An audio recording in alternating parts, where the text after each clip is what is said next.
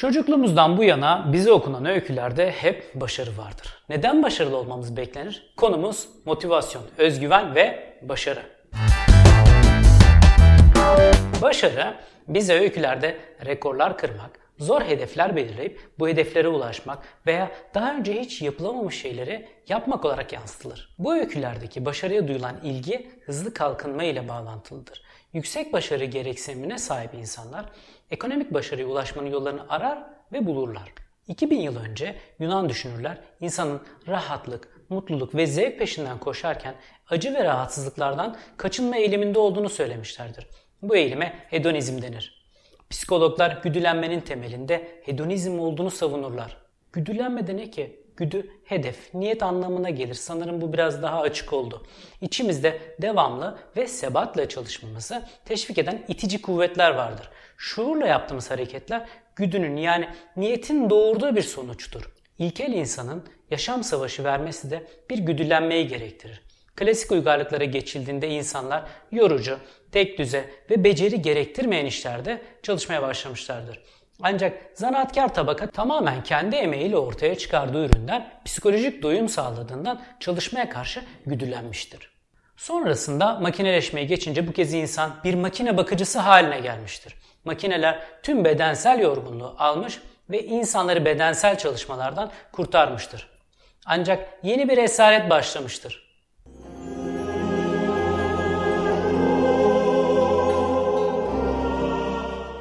Ücret karşılığında çalışmalarımızın bize toplumda saygın bir yer sağladığını söylüyor Morse.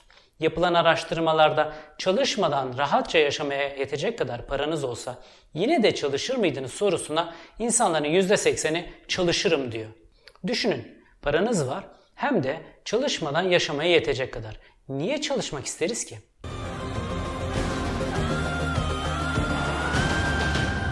Walk away. I should. But then again, what's the point of having fuck you money?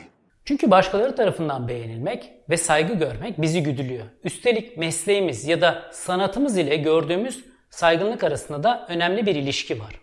Çok dertlenmeyin. Öyle aman aman bir işiniz yoksa çalışmak her koşulda çalışmamaya göre daha saygınmış. Bu arada işsiz kaldığımızda saygınlığın azaldığını söylemiştik ya. Bu durum ağırlıklı olarak erkekler için geçerli. Hanımlar bir süre daha bu durumu dert etmeyebilirler. Nereden geliyor bu gereksinimler? Maslow insanın temel gereksinimlerinin doğasında olduğunu söylüyor. Bir üçgen düşünün. Alt sırayı tamamlayınca bir üst sıraya geçmek istiyorsunuz. En alt sırada açlık, susuzluk gibi bedensel ihtiyaçlar var. Sonra güvenlik istiyoruz. Bir üste geçince bağlanmak istiyoruz. Sevgi istiyoruz. Sonra saygın olmak istiyoruz. Yavaş yavaş piramidin üstüne doğru tırmanıyoruz ve yukarılarda kendimizi gerçekleştirmek yer alıyor. Bazılarımızda bu sıralar değişebiliyor. Mesela saygınlık sevgi ve bağlanmadan önce gelebiliyor. McGregor'a göre ise tipik insan daha farklı. Tipik insan tembel.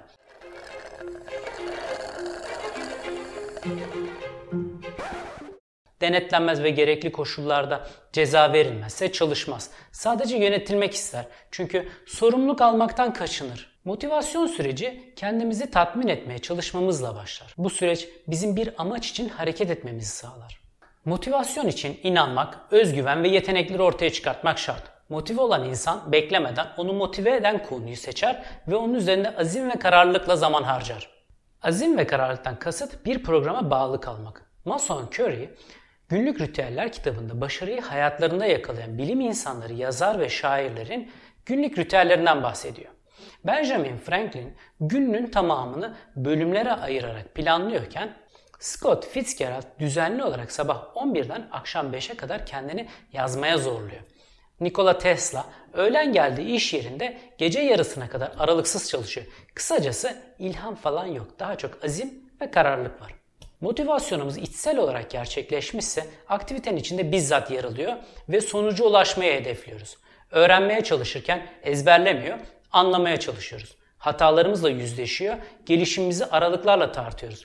Diğer taraftan dışsal motivasyonda kaynak dışarıdadır. Bir ödül kazanmak veya bir cezadan kaçınmak için bir faaliyette bulunuruz. Yani zorlamadır. Başarı motivasyonu düşük kişiler başarısız olmamak için uğraştırıcı işlere girmek istemezler. Onun yerine kolay veya çabuk erişilebilecek amaçlar koyarlar hedeflerine. İnsan motive olurken amaçlarını belirler ve ardından kendisine şu soruyu sorar. Başarabilecek miyim? Bu sorunun cevabının altında özgüven yatar. İnsan kendini yeterli bulur ve başaracağına inanırsa motivasyonu artar. Aynı yeteneğe sahip insanlar arasında özgüvenli olanlar öğrenme ve başarmaya daha fazla eğilimlidirler. Özgüvenli insanlar hata riskini alırlar. Kimseyi suçlamaz ve sorumluluğu üzerlerine alırlar. Kendilerinin ve başkalarının güçlerini ve başarılarını kabul ederler. Hayatta iş ve eğlence arasında bir denge kurarlar. Düşük özgüvenli insanlar eleştiri reddederler. Hata yapmamak için risk almaktan çekinirler. Değişmek istemezler. Dış görünüşe ve gösterişe hayliyle önem verirler. Başkalarını aşırı derecede eleştirme eğilimindedirler.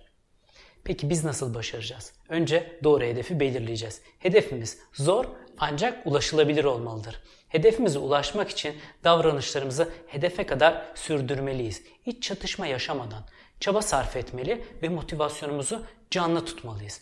Belli dönemlerde nerede olduğumuza bakmalı ve hangi ara hedefi tamamladığımızı görmeliyiz. Bunlar bize başarıya giden yolda mutluluk yaşatacaktır. Videoyu beğendiyseniz beğen tuşuna basmayı ve kanala abone olarak bana destek olmayı unutmayın. Hoşçakalın.